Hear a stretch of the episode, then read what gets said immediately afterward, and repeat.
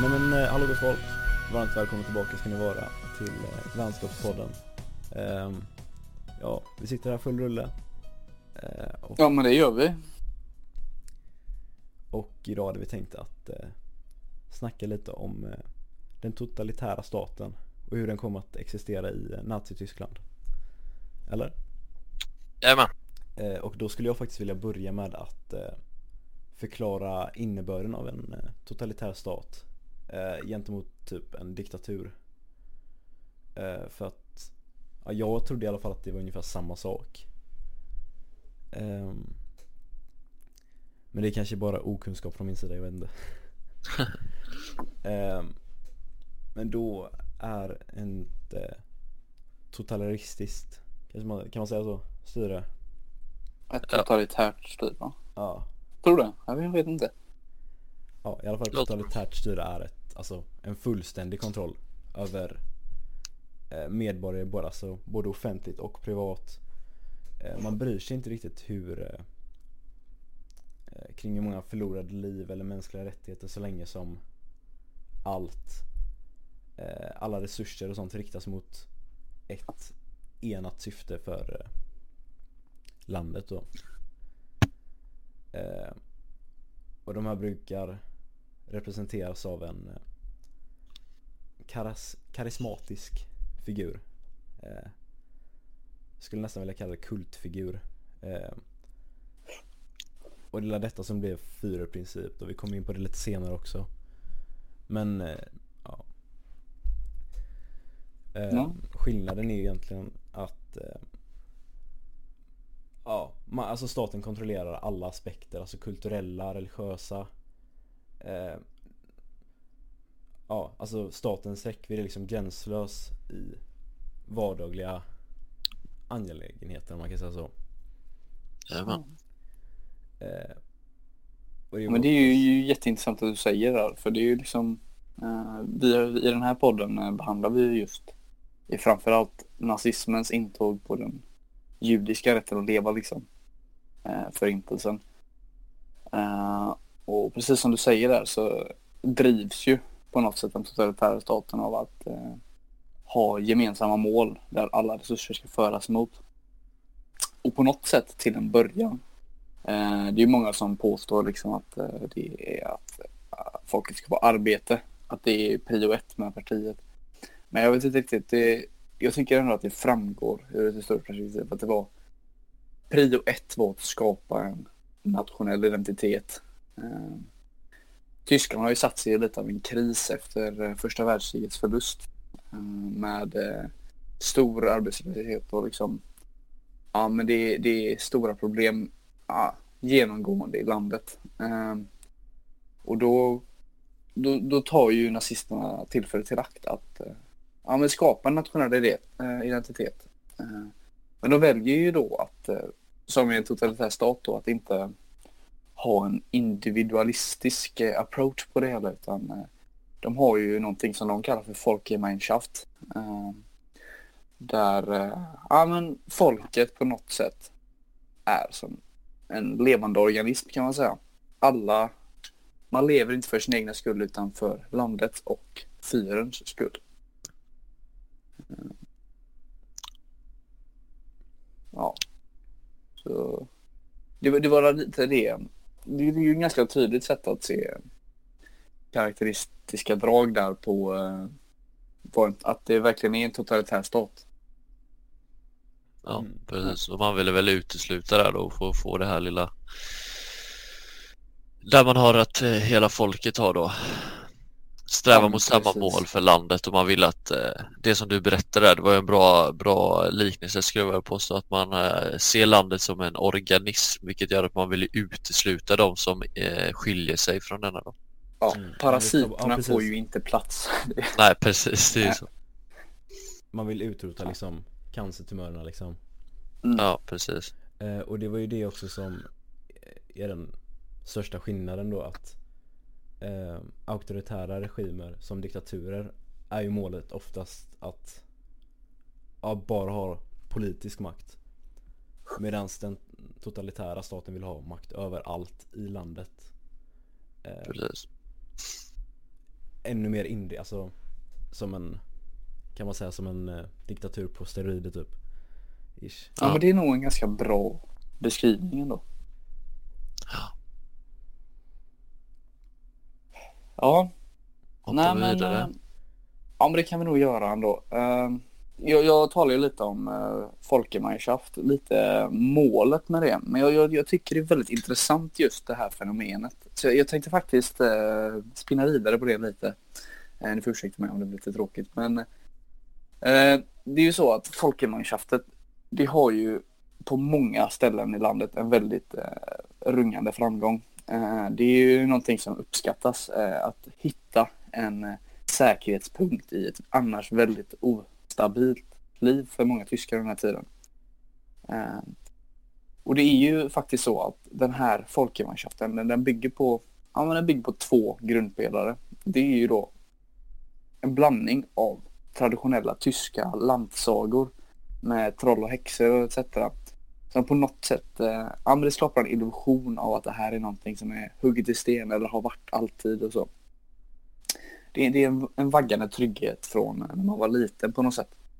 Eh, men detta blandas ju då med den nya, alltså 1900-talets början är ju väldigt mycket eh, säga, banbrytande inom den pseudovetenskapliga rasbiologin eh, etc. Eh, så så det, den här eh, den, eh, vad säger man, den bevisas på ett vis eh, av just de här nya vetenskaperna som rasbiologi och eh, social darwinism.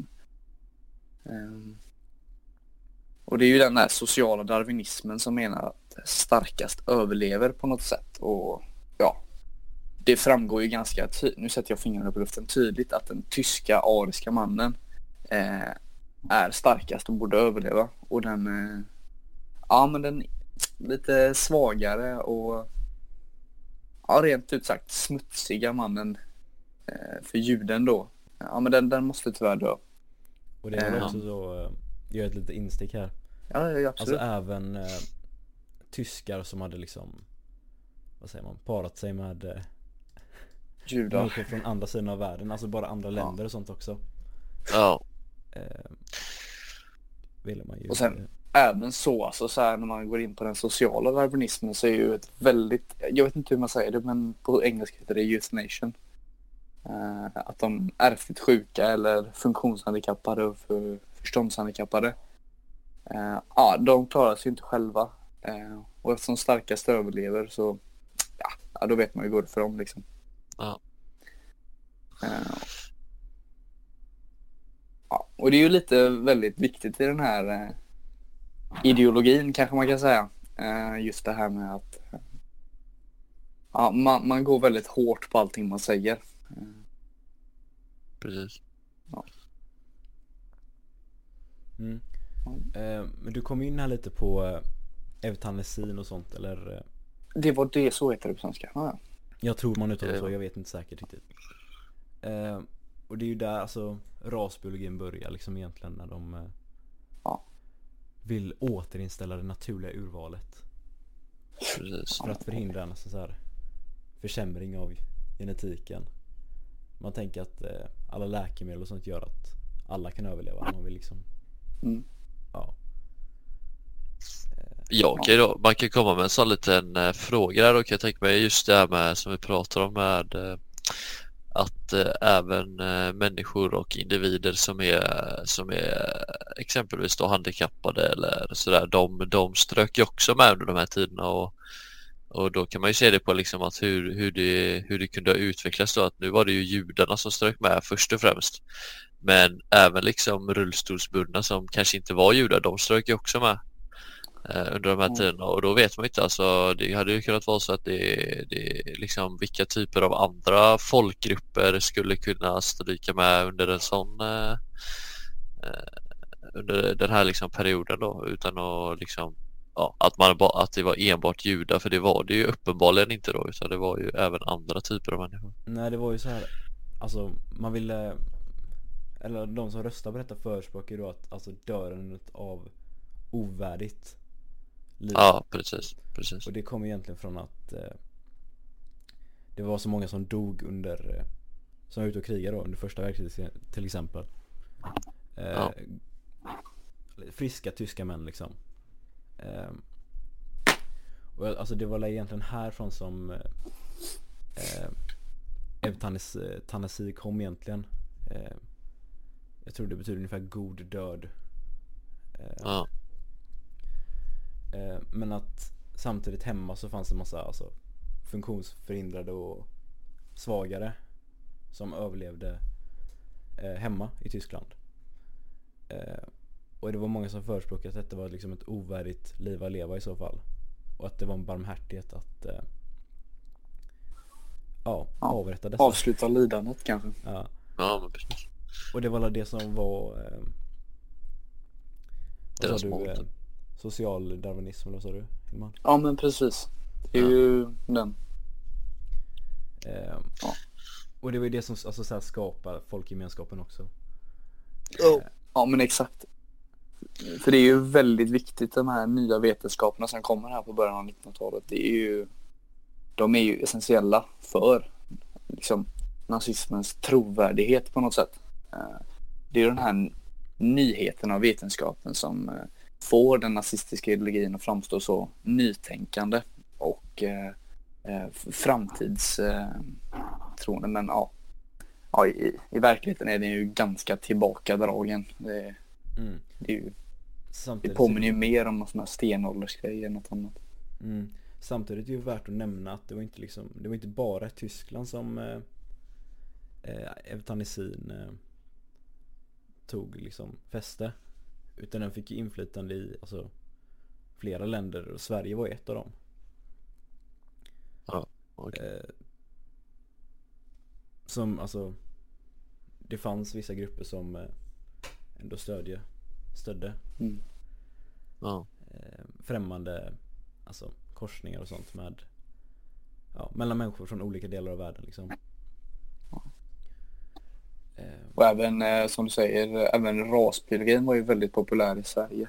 Eh, med han eh, professor Lundborg tror jag han hette. Han var ju liksom ja, Han var ju den, en av de främsta rasbiologerna världen sett liksom. Mm. Sverige har ju haft ett väldigt stor påverkan på just den här rasbiologin och eutanasin. Så det så. Mm, jag tror det är ja precis. ja.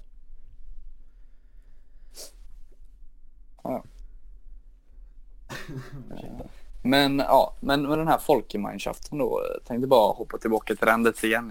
Jag, märker, jag gillar Ja, den. det, alltså det håller ju Eh, med, så det är lugnt. Ja, det, det är ju på något sätt så att eh, i och med den här eh, bilden av att alla tyskar är samma. Eh, de är en del av samma organism kanske man kan säga. Det leder ju då till, eh, med hjälp av rasbiologin och etc. Så du, du kommer ju ganska snabbt två stycken tankar in till. Eh, det är ju framförallt att enandet av alla tyskar under den tyska diktatorn Hitler eh, Det, det är ju på något sätt målet.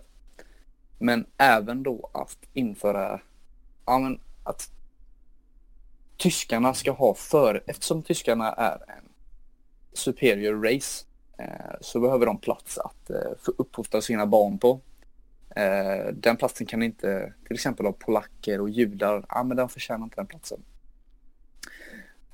Det kallade då tyskarna för Lebensraum. Att de skulle gå österut för att hitta plats att, för tyskar att bo i framtiden. Men sen även enandet av alla tyskar tänker jag är lite intressant här också med till exempel annekteringen av Österrike, Tjeckien eller Tjeckoslovakien var det ju då. Eh, Ja, det var väl i huvudsak det då, men eh, ja. Så allt det här är ju på något sätt en direkt konsekvens av deras eh, Folkegemeinschaft. Eh, vilket jag kan tycka är väldigt eh, intressant att en sån liten tanke kan få så stora konsekvenser. Mm. Precis. Men det har ju med propagandan att göra och sånt. Jag tänkte bara Ja, här innan eh, komma tillbaka, vi hoppar lite här emellan. Ja, det, är så det ska vara. rasbiologin här. Ehm, och liksom vad de faktiskt gjorde för att eh, genomföra dessa idéer typ om eh, ovärdigt lev och, alltså liv och leva och sånt. Eh, för funktionsnedsatta och sånt. Eh, för de, eh, ja, vad ska man säga? De tog i handling liksom. Ja. Eh, Minst sagt. Precis, och då fanns det alltså Det var ju till exempel tvångssteriliseringen eh, Där man eh, Ja, tvångssterilisera eh, kvinnor och sånt framförallt och, Ja, män också Med eh, funktionsförhinder eller någon psykisk sjukdom För att dessa gener inte skulle föras vidare Ja. eh, Man vill liksom återställa det naturliga urvalet då Eh, och eh, jag tror att man dödade barn också. Eh, eh, eller använde dem för medicinska experiment. Eller? Ja. Eh, eutanasiprogrammet tror jag det kallades. Ja, precis. Man, man, jag vet att jag läste lite om det. Man, eh, de här programmen gick ju ut då på det, det som du säger då att eh, när denna typen av människor eh, födde upp barn då så blev de här läkarna och de som arbetade med barnen, de blev liksom tvungna att rapportera om det var något fel på barnet liksom. Precis. Och, och om, det var, om det var fallet då så var de tvungna även att sätta en eh, injektion, alltså via en spruta eller liknande då som gör då att, eh, ja, att barnet dör helt enkelt. Bara för att, just för att de här generna då inte ska fortsätta komma ut och för man ansåg ju dem vara helt liksom Ja, och på exakt samma sätt så förväntas ju det av eh, föräldrarna också. Eh, Ja men precis. Och det är ju liksom verkligen. Tänk att eh, liksom döda sitt egna barn för att den har en sned fot eller något liknande. Ja men det är, Det är ju, ja. Det är tufft. det är Ja. tufft. Men eh, ja, jag tänker, eh, ska vi vandra in lite på eh, hur de spred de här tankarna under Ja, ja men jag tänkte faktiskt säga så här. Eh, ja. För att uppnå då den här folkgemenskapen och ja, men nazisternas mål i krigsföring etc. Eh, då, då används ju två stycken metod tillvägagångssätt liksom. ja Det är ju i, ja det är nästan eh, första hand nästan skulle jag säga. Det är ju första hand är det ju våld. Ja, Ja. man, man slår ihjäl den som inte tycker samma. Eh, det är ju ganska, det är ganska effektivt på en kort sikt. Men sen så använder de även propaganda. Ja. Jag tänkte fråga, hur, såg den propagandan ut som de spred? Ja. Eh, ja, alltså, alltså nazisternas propaganda det gick, ju, det gick ju ut då som vi har pratat om nu att sprida den här antisemitismen, liksom att judehatet det skulle liksom ut till alla medborgare och man skulle man skulle liksom framhålla Hitler och nazisternas tankar som liksom något liksom gudomligt typ eller liksom lite mer åt det hållet man ville lyfta då den tyska krigsmakten som en liksom oövervinnlig eh, form av typ maskin tror jag de kallar sig själva för liksom Ja. att det var liksom bara pang på liksom. Och på samma sätt att eh, lyfta fram den ariska mannens eh, överlägsenhet precis. till judar och ja, britter eller vad det nu var. Ja, man såg väl lite som ett, eh, ja men typ sådana här pyramider där man hade liksom olika man såg liksom alla människor som inte var av den rena tyska rasen liksom. De var under den och de skulle liksom man ville liksom utesluta dem för att, för att då tvinga fram den här eh, ja, liksom rena tys, tyskarna liksom. Mm. Men eh, i då Nazityskland så använde, jag tror det var en ledare, jag kommer inte ihåg vad han hette, han hette Josef någonting. Goebbels. Goebbels, ja precis. Det var ju han som var den här ledaren av propagandan. Och man ser det att det, det var ganska extrem propaganda under de här åren. Och man ansåg väl någonstans att det, det finns liksom det finns ingen för eh, extrem propaganda under de här åren. Och det ansåg väl han också själv att det, det finns inte någon propaganda som är för extrem utan de ansåg att propaganda går ut på att man eh, eh, ja, att det, att det liksom ska vara bra propaganda, att man ska, man ska få fram framgång utav den propaganda man sprider. Eh, och jag kan gå in lite på det mer sen då, men det kan man ju se även idag hur vi har förändrat den synen på det. Men eh, under några artiklar så ville man ju då med hjälp av den här propagandan eh, skapa just det som vi har pratat om under hela avsnittet, det här med vi och dem. Mm. Eh, och, och, målet för nazisterna var just att skapa den här folkgemenskapen som du Hilman pratar om mycket och eh, det innebar då att den, eh, att, eh, ja, att samhället bara fick bestå av hälsosamma och eh, som man kallade det för rasligt rena tyskar. Mm, och de skulle då stå över alla klasskillnader och sånt. Eh, Ja. Och målet då egentligen med det, det var ju just att Tyskland liksom skulle renas. Att man liksom ansåg att de här rasligt ohälsosamma, eh, de med ärftliga sjukdomar eller eh, icke-arier då, eh, de skulle inte få någon plats i den här folkgemenskapen. Eh, och då i synnerhet judarna, de fick ju ta den största stenen utav dem alla liksom, för de, eh, ja, men de sågs ju som onda eller farliga liksom eller mindre värda då framförallt kanske. Eh, och man, man, man skulle vilja och, och just de som var mindre värda de, eh, de såg man som eh, kostsamma problem liksom att samhället var tvungna att betala för någonting som bara var ett problem. Och det ville man också få fram genom sin propaganda att man, man, man, det var liksom problem med det här med den här folkgruppen då och man ville man ville liksom eliminera dem då. Mm. Uh, och då och, och sen samtidigt då för att lyckas med den här propagandan så målade man ju alltid upp liksom uh, liksom idealet då av den tyska uh, tyska befolkningen, liksom hur man ska vara då för att uppnå till till den människan som man strävar efter då eller de människorna som man såg tillhörde den här folkgemenskapen.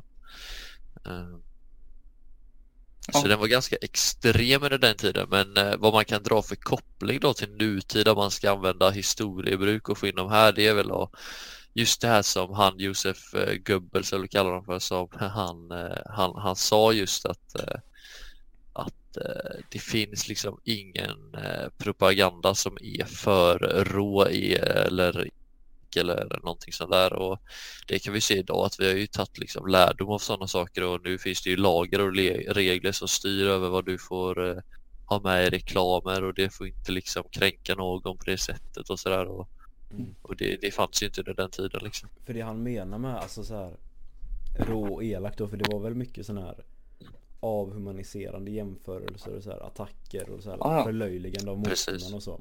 Ja men exakt man vill ju framstå då de här eh, judarna som liksom problem då. Och då är det ett direkt påhopp mot eh, judar eller andra typer av människogrupper som man la, man la det alltså judarna som problemet och att det var, fanns liksom en enda lösning. Och det var Adolf Hitler. liksom. ja. och det var ju mycket med den rasbiologin och så då att man ja, men jag, jag, jag, tycker det är framförallt intressant den här kontrasten som målas upp om man kollar på två propaganda. En som är för reklam till Hitlerjugend och en som är eh, antireklam mot judar då, om man säger så. Ja. Juden framställs ju alltid med stor näsa, kanske fladdermösvingar, stora tänder, alltid ett lömskt leende liksom. Uh, gömmer sig bakom gardiner eller uh, har en kniv i ryggen på en tysk. Ja, men man vet inte. Samtidigt som alla tyskar eh, på något sätt målas upp som starka hjältar, typ. hjältar exakt, som håller en flagga som, eh, ja, som står i vinden med den stolta hakkorset på liksom. Så det är den här kontrasten som jag tror propagandan egentligen på något sätt. Eh, eh, när det repeteras så blir det väldigt eh, svårt att inte tänka så. Ja, precis. Det är liksom den största då, tänker jag, som vi mot dem-känslan då. Mm, att precis. det är en så stor skillnad mellan oss liksom. Man har avhum avhumaniserat dem så tillräckligt att de inte liksom ses som samma människa eller så här. Samma ras längre då helt enkelt. Nej, Och det du berättade Elman om eh, bilden och sådär med stora, så det, det kan nästan ses som dagens sån här, eh, vad heter det, de här tidningarna som gör massa Karikatyr. Ja precis, det är ju nästan så fast de var ju liksom, det, det var ju liksom på fullt allvar under den tiden. Mm. Och folk verkade ju gå på det och liksom, ja. De vann ju liksom, de nådde ju sitt mål med det så att. Ja. Det är ju även så på samma sätt det här med att liksom eh, Nazisterna är ju väldigt, jag vet inte om man får säga duktiga, men de är väldigt duktiga på att föra in sitt budskap. Eh, Eh, de går ju på, kan man säga så, att man går på de unga vid väldigt tidig ålder. Eh, skolorna blir ju väldigt fort, eh, kan man säga, kulturellt renade. Du får bara läsa tyska böcker av tyskar. Du får absolut inte läsa böcker skrivna av judar. Judarna framstår i undervisningen som precis som propagandan framställer dem då. Och det, det leder ju till att man är uppfödd med en viss tro liksom. Och sen så fortsätter den här propagandan genom hela livet. Ja men då är det klart att det blir sanningen på något sätt. Precis. Det är det enda du vet. Om man samtidigt alltså, bekämpar och kuvar de andra eh, Alltså Sociala institutionerna då, Ja. Som pekar på annat Så är det ju klart att Alla liksom Accepterar det som eh, Det enda rätta liksom Ja, men eh, grabbar, eh, jag tänker att eh, vi har sagt det mesta nu. Så jag tänker vi knyter ihop den här säcken. Och liksom, ja, vi säger tills nästa gång. Det var det vi hade att säga om den totalitära staten idag. Men nästa avsnitt, då ska vi behandla så mycket som... Oj, oj, oj. Nu ska vi se. Nu, nu. Oj. Jag vet inte vad vi ska behandla nästa gång. Men, men det blir ju så jävla spännande då. Så vi ses den gången. Ha det fint. Bra bra bra Ja, det fint.